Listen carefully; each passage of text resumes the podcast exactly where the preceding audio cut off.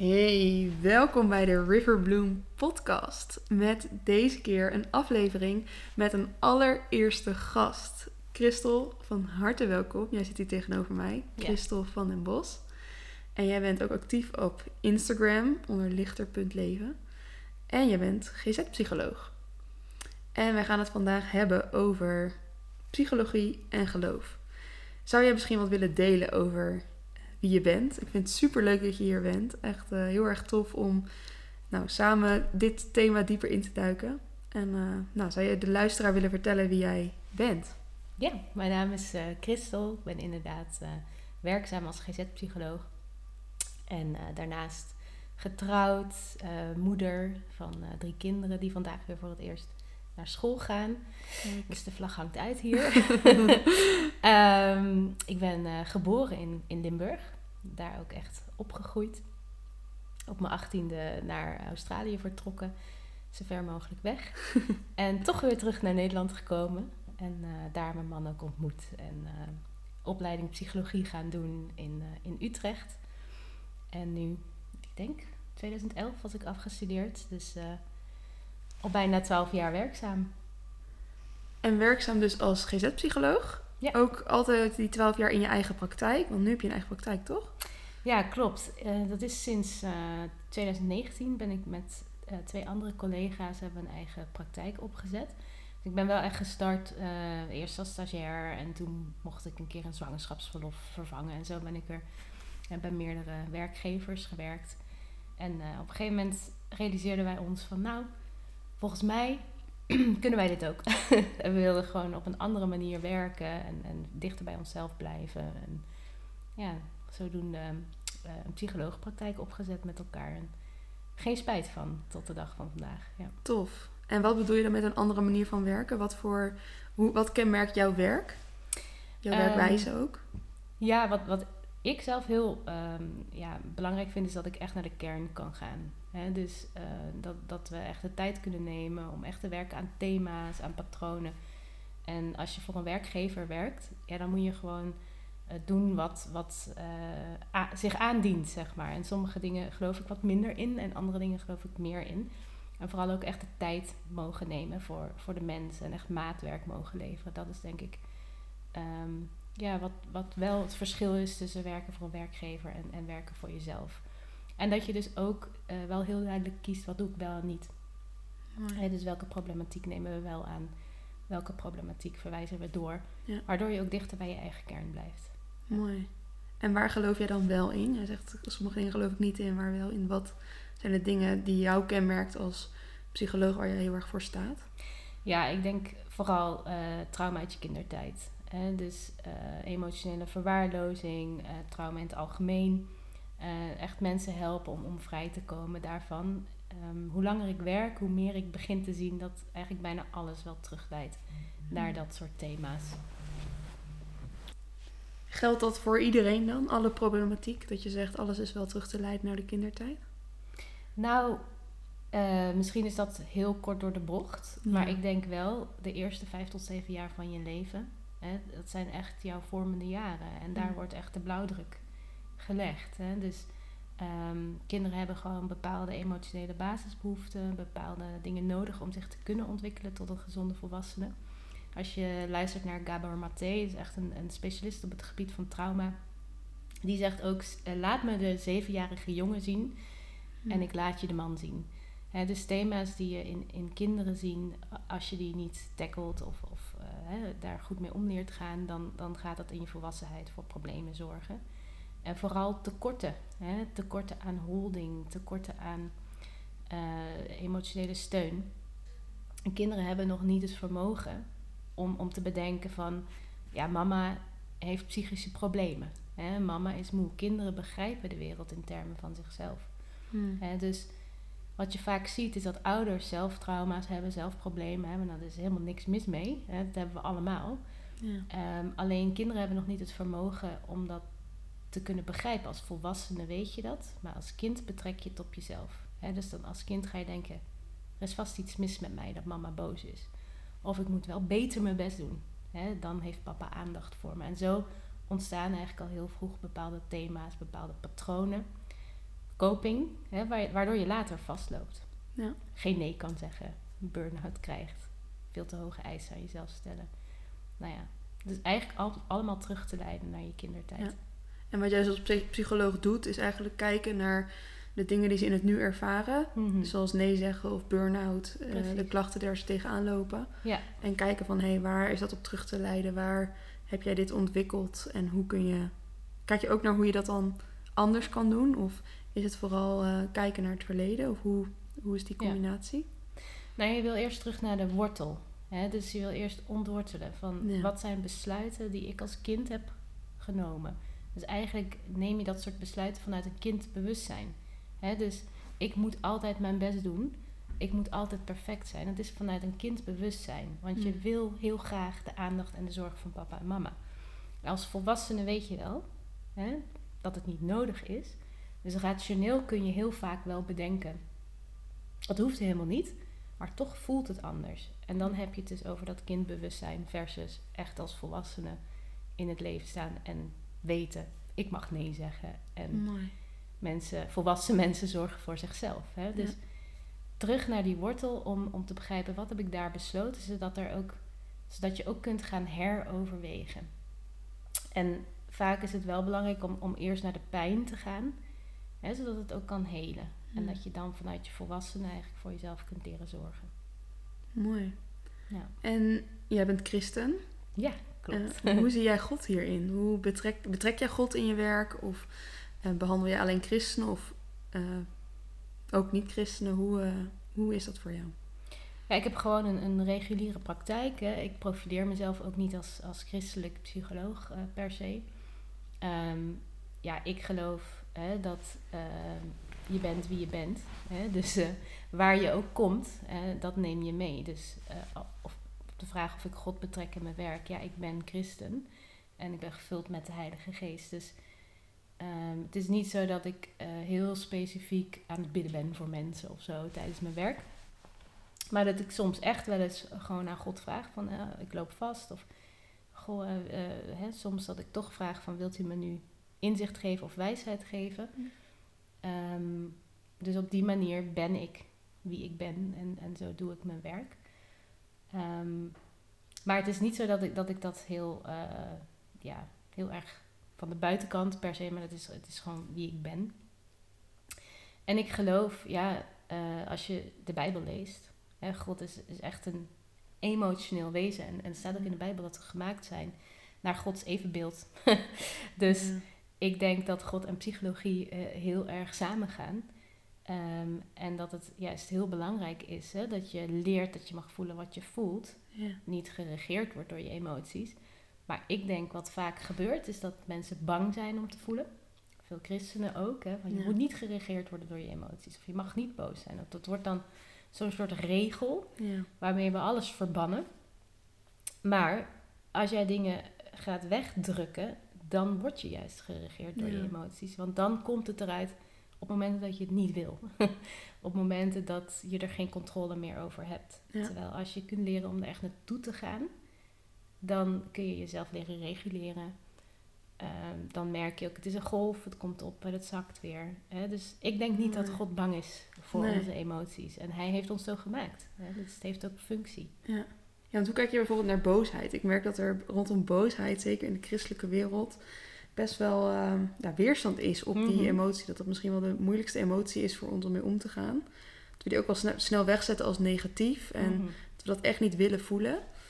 Eh komt misschien ook wel doordat we eh, de duivel dan de boze noemen. In de Oh, ja. wereld Ja. tenminste is dat dan de boze. Ja. Eh, waardoor we dat ook misschien wel anders gaan associëren. Maar ik ben wel benieuwd hoe jij daar dan naar kijkt. Hoe kijk jij naar boosheid? Nou ja, als jij boosheid gaat onderdrukken, dat is een recept voor depressie. Ja. Dat is een recept voor chronische pijn, voor ziekte. Ja, Hè? Eh, daarmee zeggende hè, dat ik niet zeg dat elke depressie en alle chronische pijn komt door onderdrukte boosheid. Nee. Even disclaimer. Maar wel eh, dat het onderdrukken van boosheid juist tot heel veel problemen leidt. ja, En er zijn natuurlijk gezonde manieren van het uiten van boosheid en ongezonde manieren. ja, Kijk, als ik nu jou hier even helemaal verrot ga schelden omdat iets mij niet zint, ja, ik denk dat je zegt, joh, lieve Christel, doei. Ja. ik kom wel een keer terug als je rustig bent. Ja. Hè? Zo hou je weinig vrienden over, zo kun je geen baan vasthouden. Maar er is een verschil tussen boosheid voelen en vanuit boosheid reageren. Mm. En het voelen van boosheid, boosheid heeft echt een functie. Ja. Boosheid gaat over je grenzen. Boosheid gaat over ik voel me niet gezien of ik voel me niet gehoord. Boosheid gaat ook over onrecht. Mm. Hè, dus het kan je heel veel kracht geven. Het, er zijn echt gezonde manieren om, om boosheid te uiten en boosheid te voelen. En op het moment dat je het niet voelt, dan moet je dingen gaan doen om dat te onderdrukken. Hè? En vaak leidt dat ook tot eh, ongezond gedrag, tot verslavingen, tot vastzittende spanning en uiteindelijk toch een woede-uitbarsting. Ja. Hè? Terwijl, ja, even in de woonkamer met een kussen slaan, omdat je je gewoon pissig voelt. Mm. En dan even naar binnen keren. Hè, van wat is het dan waar ik zo boos over ben? Kijk, het heeft vertaling nodig. Hè? Ja. Dus vanuit jouw gezonde kant, jouw gezonde volwassene, door er eerst naar te luisteren, te horen en dan te vertalen wat zijn eigenlijk de behoeften. Wat Mooi. zit eronder? Ja. Wat heb ik nou eigenlijk nodig? Ja. Welke grens hè, laat ik eigenlijk overschrijden? En waarover moet ik in gesprek gaan? Ja. Ik denk dan is het geen probleem om boosheid te voelen Ja. omdat je het allereerst hè, met jezelf oplost en kijkt van hè, wat, wat zit daar bij mij? Wat raakt mij nou zo? Ja. Maar dan vervolgens ga dan wel de moeilijke gesprekken aan hè, die nodig Mooi. zijn. Ja. ja, herkenbaar ook wel. Ik vind dat stukje wat je zegt over boosheid gaat over grenzen, heeft mij heel erg geholpen om dus te voelen als ik boosheid heb van, oh, maar welke grens is dit dan? En dat in, ja, ik vind dat je dat heel mooi beschrijft, om dan dus echt ook ja, dat als uitnodiging te zien van, wat zit eronder Ja, en wat raakt het? Ja. En eh, het daardoor ook bij jezelf te houden in plaats van meteen naar de ander te gaan. precies. En ze zeggen ook wel vaak dat boosheid een secundaire emotie is. Ja, hè? die heb ik ook wel eens gehoord. Ja. Dat er altijd verdriet onder zit. Of, eh, Bijna altijd. Ja. ja. ja. Ja, dus juist door naar binnen te keren, vaak kom je hè, Ja. vanuit je boosheid. Ja. Boosheid is bij mij ook wel mijn eerste primaire reactie, zeg maar. Het vechtertje, hè? Dat is ook een soort Ja. coping. Ja. Ja.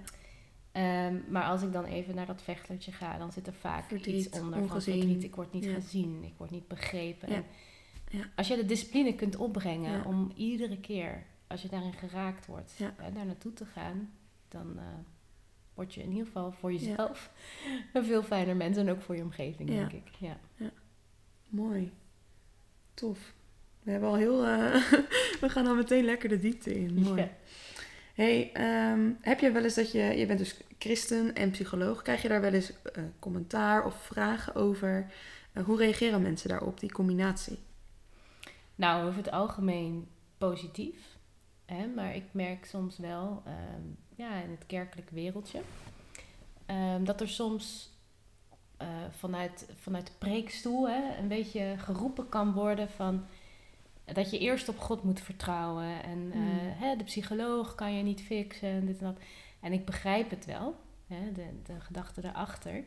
Alleen denk ik dan soms wel, eh, ja, we gaan ook naar de chirurg. Hè, als ik Ja. hartproblemen heb, tuurlijk ga ik bidden en eh, vragen aan God of hij mijn hart wil genezen. Maar dan ga ik wel ook naar de professional. Ja. En dan ga ik niet denken dat ik het allemaal zelf kan oplossen. Dus ik denk dat het soms niet helpend is. En dat het de drempel voor christenen hoger kan maken om te zeggen: ja, ik geloof, maar ik heb ook hulp nodig. ja. Eh, en die twee gaan mijns inziens hand in hand. Hè? Dus eh, als je kijkt naar eh, het idee dat als ik nu keihard zou gaan bidden, dat God een boot voor mij gaat bouwen. Ja, dat gaat gewoon niet gebeuren. Hij Nee. zegt, ik heb bomen gemaakt, dus kap die boom. En eh, hier heb je de tools hè, om, Ja. eh, om de boot te bouwen. Dus het, het is bidden en werken. Ja. En dat, zo werkt het ook hetzelfde met, met jouw emotionele gesteldheid. Helaas hè, heb ik nog niet meegemaakt, en ook in mijn eigen leven, dat God, als ik maar keihard bid en heel, heel diep geloof, dat hij mijn ziel helemaal gaat genezen. Het is ook, ik moet ook dingen doen.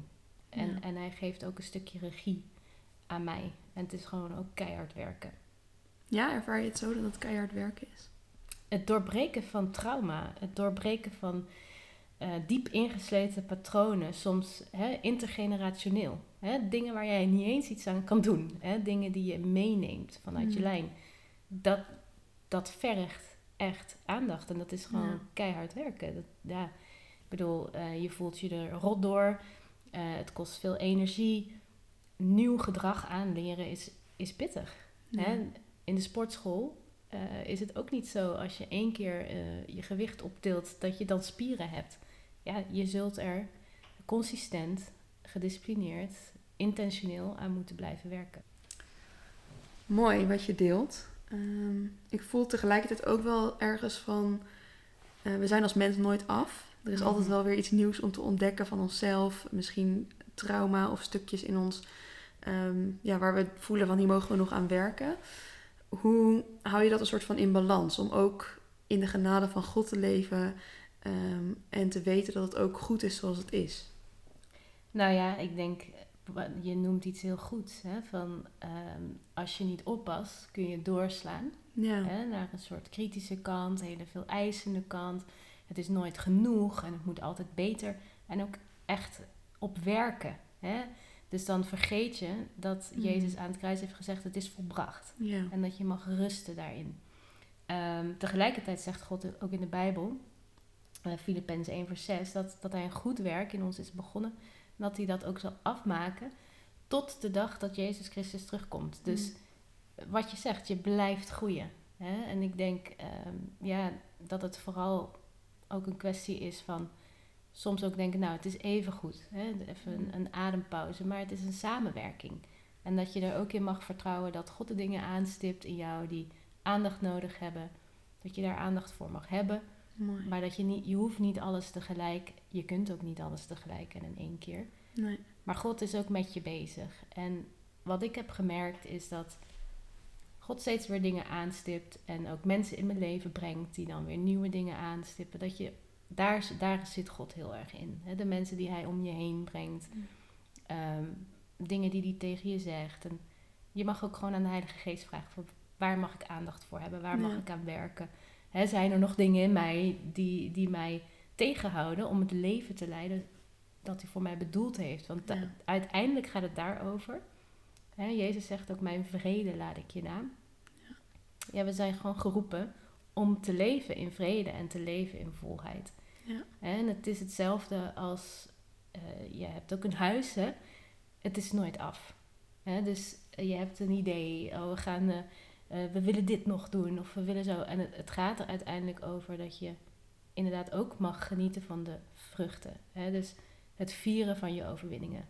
Gewoon trots zijn op waar je staat. Mm. Gewoon af en toe eens terugkijken van, oh, vorig jaar worstelde ik hier nog mee. Wauw, wat vet dat ik daar Ja. nu niet meer hè, dus op die Ja. manier in sta. Ehm, en ik denk dat, dat genade en waarheid gaan heel erg hand in hand. Ja. Dus aan de ene kant mag je heel erg genieten van waar je nu bent. En aan de andere kant mag je vooral wel in contact blijven met dat je er nog niet bent. En ik denk dat als die twee kanten in balans zijn, blijf je ook een nederig mens. Ja. Denk je ook niet dat je de waarheid in pacht hebt. Eh, hè, dan kun je ook compassie hebben met anderen om je heen. Ehm, ik, ik denk dat dat heel gezond is. Ja, voor mij zit hier ook wel die balans, wat je zegt, dat is ook wel echt ehm, waar ik zelf heel erg veel aan heb. Als ik merk van dat je soms kan je zo weer doorslaan in je willen ontwikkelen, persoonlijke Ja. ontwikkeling en weer iets nieuws. En Mhm. dat je ook mag weten dat het vertrouwen en de genade van God, dat dat je basis mag zijn. En dat dat de basis is van waaruit je dan weer denkt, hé, hey, wat is er weer iets nieuws inderdaad? En waar stipt God dingen aan, de Heilige Geest? En, maar dat die basis of zo stevig is. En dat Ja. je weet dat dat je vaste grond ook is vanaf waar je nou, mag zoeken en mag ontwikkelen. En eh, je ook, ja, God ook mag uitnodigen of zo. Ja. Ja, dus het is een stukje dankbaarheid. Hè? Ja. Ehm, ik ben genoeg, ik Ja. ben geliefd, ik ben al gekozen. Dat is de basis, ja. Maar tegelijkertijd eh, ben je ook als klei in de hand van de pottenbakker. Ja. en en is er, natuurlijk, er is altijd meer. En, Ja. en zo geldt dat als je naar de natuurlijke levensloop kijkt van kinderen, zie je dat ook. Hè, Ja. Je leert ook le- lopen met vallen en opstaan. Maar als ze dan hebben leren lopen, dan willen ze leren fietsen. En als ze, hè, dus ja, ja. dat Maar als volwassenen ook leven lang blijven leren Ja, en blijven ontwikkelen. Ja. Wat ik daar ook een mooi vind, dat eh, las ik laatst ergens. en dat zie ik ook wel bij, in mijn eigen leven, maar ook in de deelnemers die ik dan begeleid, dat de Heilige Geest zeg maar ook een gentleman is. En dat hij ook daarin laat zien op jouw tempo en jouw manier wat jij daarin ja, kan dragen en wat daarin voor jou in dit seizoen goed is. En dat vind ik ook wel een hele mooie manier om daarnaar te kijken, omdat je soms ook wel angst ziet voor wat er misschien naar boven komt als mensen met zichzelf aan de slag gaan.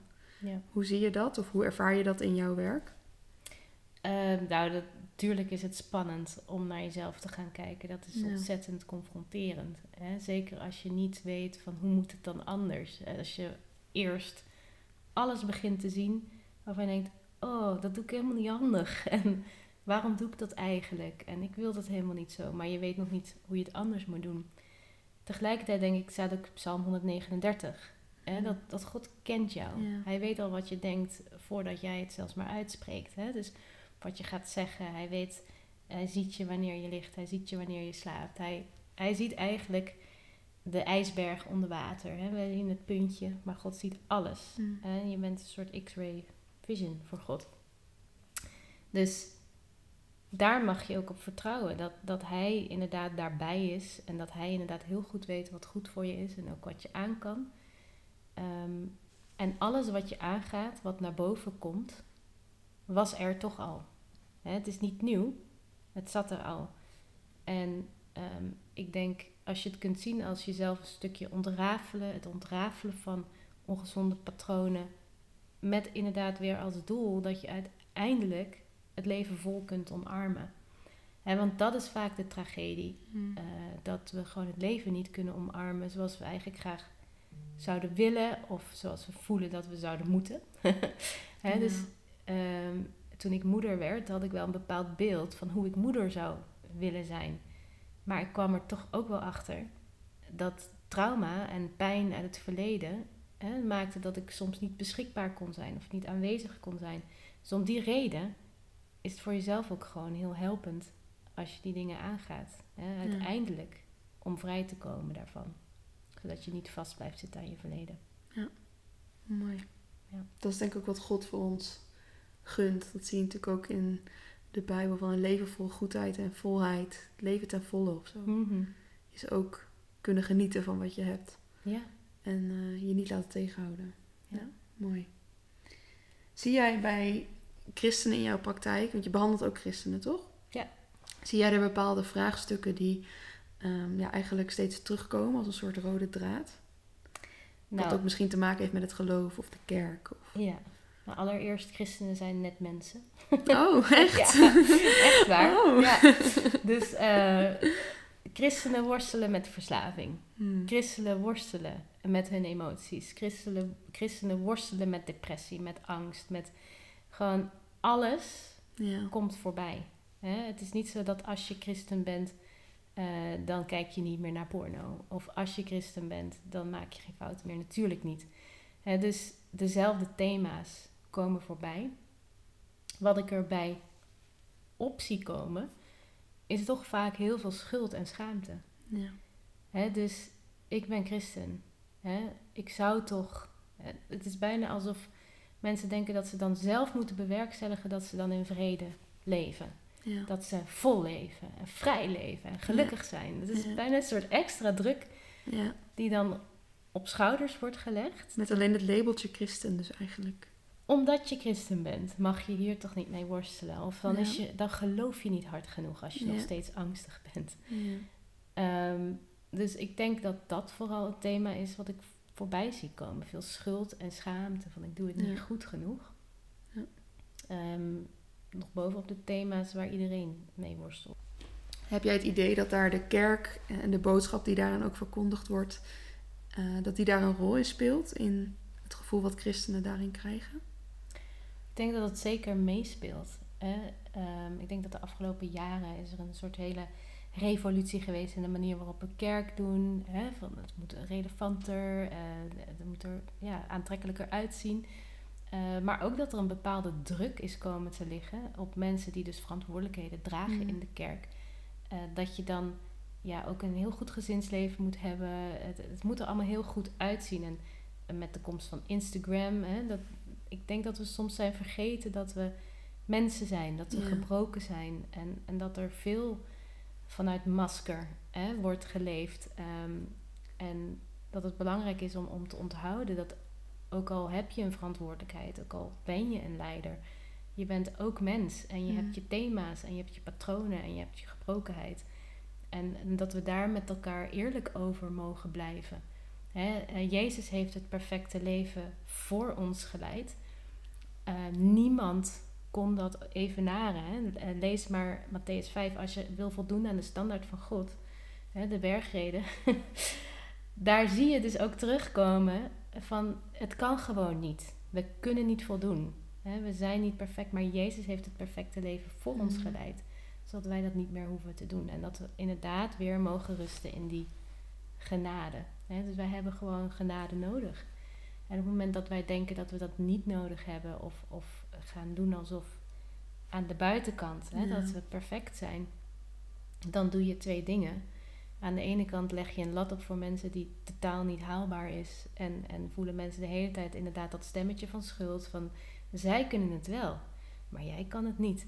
Eh, tegelijkertijd leg je ook voor jezelf hè, als, als christelijk leider een lat op dat je perfect moet zijn. En dat is zo eenzaam, zo isolerend. Want het is Ja. natuurlijk niet de realiteit, het is niet de werkelijkheid. En ik denk erg dat dat ook juist wel een, een voedingsbodem is voor misbruik misschien zelfs. Of eh, verkeerde verhoudingen, machtsverhoudingen die niet kloppen. Ja, En dat het juist alleen maar ongezondheid in de hand werkt. In plaats van dat het een florerende plek is waar je met elkaar ook mens kan zijn. Waar je kwetsbaar kan zijn. Waar je samen ook oprecht God kan zoeken. In plaats van dat er allemaal een masker voor zit. En ehm, ja, er eigenlijk een lat neergezet wordt die eigenlijk ook gewoon voor niemand haalbaar is. ja, precies. En ik denk dat is heel gevaarlijk. Hè, Ja. Dat jouw spiritualiteit eigenlijk bijna als een soort... Ja, ze noemen het ook wel een spiritual bypass Ja, gaat ja, zijn. Hè? Dus iets wat jij voor je emotionele gezondheid zet. Ja, Dus hard bidden, goed je Bijbel lezen, de teksten goed kennen. Ja. Maar ondertussen geen verantwoordelijkheid nemen Ja. voor de patronen die je gewoon hebt. Hè? En vanuit die patronen doe je anderen weer zeer juist. En dat is het, eh, dat is het, oh, dat is het tragische. Hè? Dus als jij niet dealt met je trauma's, met je pijn, dan ga je eh, dat uitageren. Hè? Dus dat ga je gewoon herhalen. Op anderen. Dus als jij bijvoorbeeld als kind eh, heel veel buitengesloten bent en je hebt nooit gedeeld met die pijn, je hart Ja. is niet geheeld, dan ga je op het moment dat je macht en invloed krijgt, anderen buitensluiten. Ja. Je ziet het keer op keer op keer gebeuren. Ja. Ja. Mooi.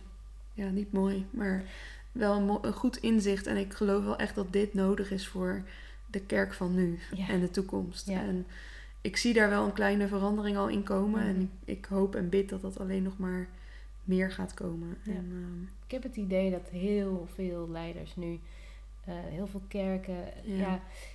je ziet natuurlijk gewoon ook eh, grote mensen die, die een platform hadden instorten. ja, Eh, waardoor we ook met elkaar hè, ons bewust worden van dit is, dit is niet houdbaar, Nee. dit is niet haalbaar. nee, Ehm, er is echt een, een verandering nodig. Hè. We nood en kwetsbaarheid. een soort ziek systeem met elkaar gecreëerd. Ehm, en dan kun je wel wijzen naar die persoon van oh, oh, hij is vreemd gegaan of oh, hij bleek een alcoholverslaving te hebben. Maar ik denk ja, nee, het is het systeem, de cultuur Ja. die we met elkaar hebben gebouwd. Ja. Dat op het moment dat je in christelijk leiderschap stapt, dat je opeens niet meer kwetsbaar mag zijn. En Ja. dat er eigenlijk hè, veel te weinig holding en, en steun is. Wat is holding? Het draagkracht? Holding is eigenlijk dat, dat jij met je shit welkom bent. Ja, En dat er gehouden wordt hè, van je parelkant, maar ook van je schaduwkant. ja. Mooi. Heel mooi. Want iedereen heeft een schaduw. Hè, hoe mooi je jezelf ook neerzet. Ja. En God ziet het allemaal. En we mogen dat, elkaar, dat ook in elkaar zien en dat dragen samen. Ja, Ja. en, en tuurlijk eh, is het niet oké eh, als jij eh, bepaalde thema's hebt om, om dan maar te zeggen, ja, dat is mijn schaduwkant en je moet van mij houden. Ja. dan gaat het er wel over, verschuiling. kun ja. jij eh, daar eigenaarschap over nemen Ja. en wat ga je eraan doen? Ja. Ehm, maar dat je gebroken bent is niet een, een verrassing, dat is gewoon een gegeven. Ja. En je noemde net al even het woord coping en ook spiritual bypass. Zie je dan ook in jouw praktijk dat er dat geloof eigenlijk, of Jezus, uh, of bepaalde uh, christelijke aannames, dat dat een soort van coping wordt en een manier om dus ook niet naar je eigen schaduwkanten te hoeven kijken? Uh, ja, dat, dat kan zeker. dus wat ik al zei, de gedachte als ik maar hard genoeg bid, of genoeg mijn Bijbel lees, of hard genoeg dien in de kerk, dat, dat dan bepaalde gevoelens daarmee weggaan. Dat kan heel erg een bedekking worden voor wat eronder ligt. Dus bijvoorbeeld uh, als je je waardeloos voelt um, en eigenlijk alleen maar waardevol kunt voelen als je iets voor andere mensen kunt doen, dan kan de kerk een heerlijke afleiding worden voor je. Hè? Mhm. Want dan kan je heel hard dienen en heel veel geven en uh, dan krijg je waardering. En dan hoef jij dus niet te dealen met dat onderliggende gevoel van waardeloosheid. En dat komt pas omhoog op het moment dat de kerk wegvalt hè? of dat daar iets gebeurt.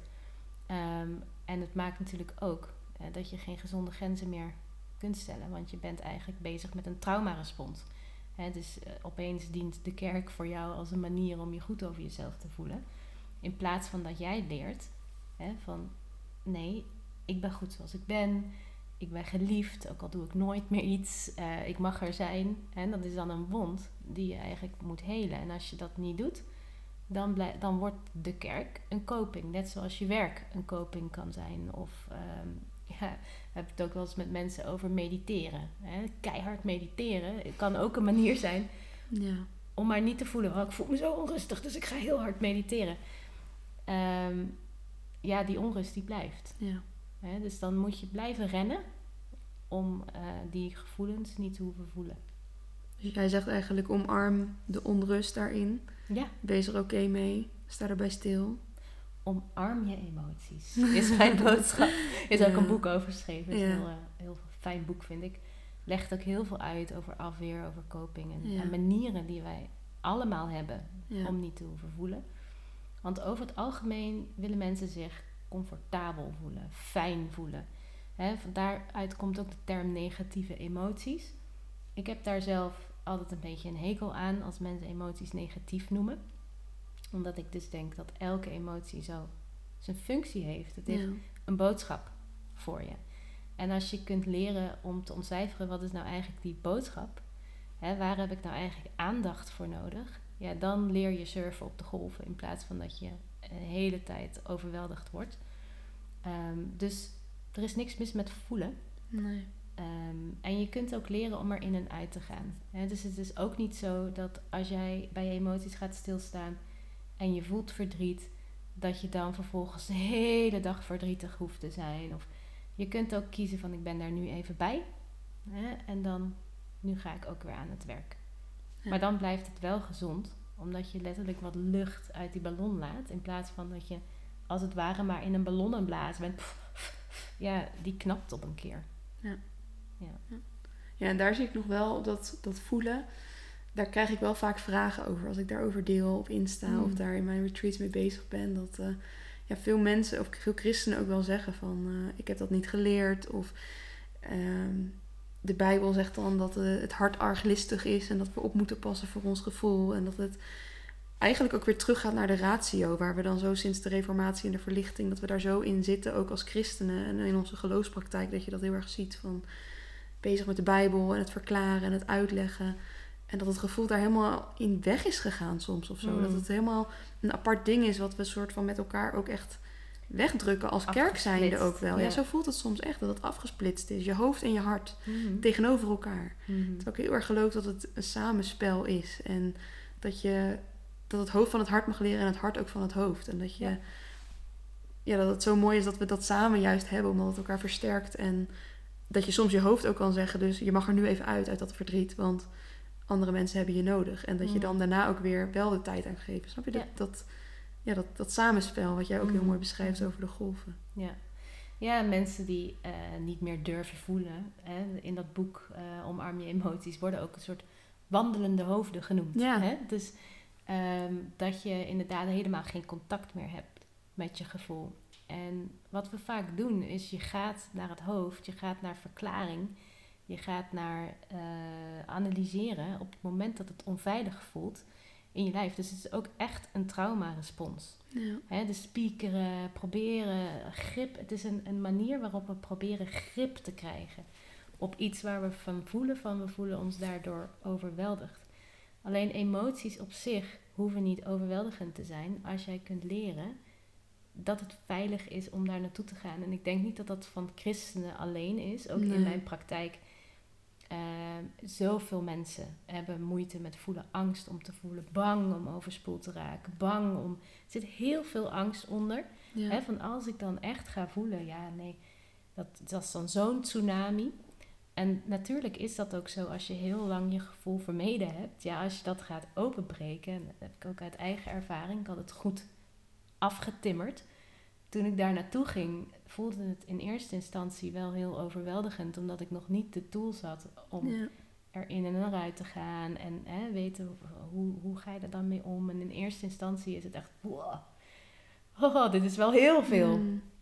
Maar het is ook je kern. Hè? Ja. Het, is, het helpt je om echt terug te komen bij jezelf. In je hoofd weet jij niet wat je wil. In je hoofd ben je alle scenario's aan het uitdenken. In je lijf voel je heel goed. Ja, nee, wel fijn, niet fijn. En dus dan, je, on- ja, je ontneemt jezelf echt Ja. iets heel essentieels, belangrijks en wezenlijks. Ja. Als je zegt, dat voelen liever niet.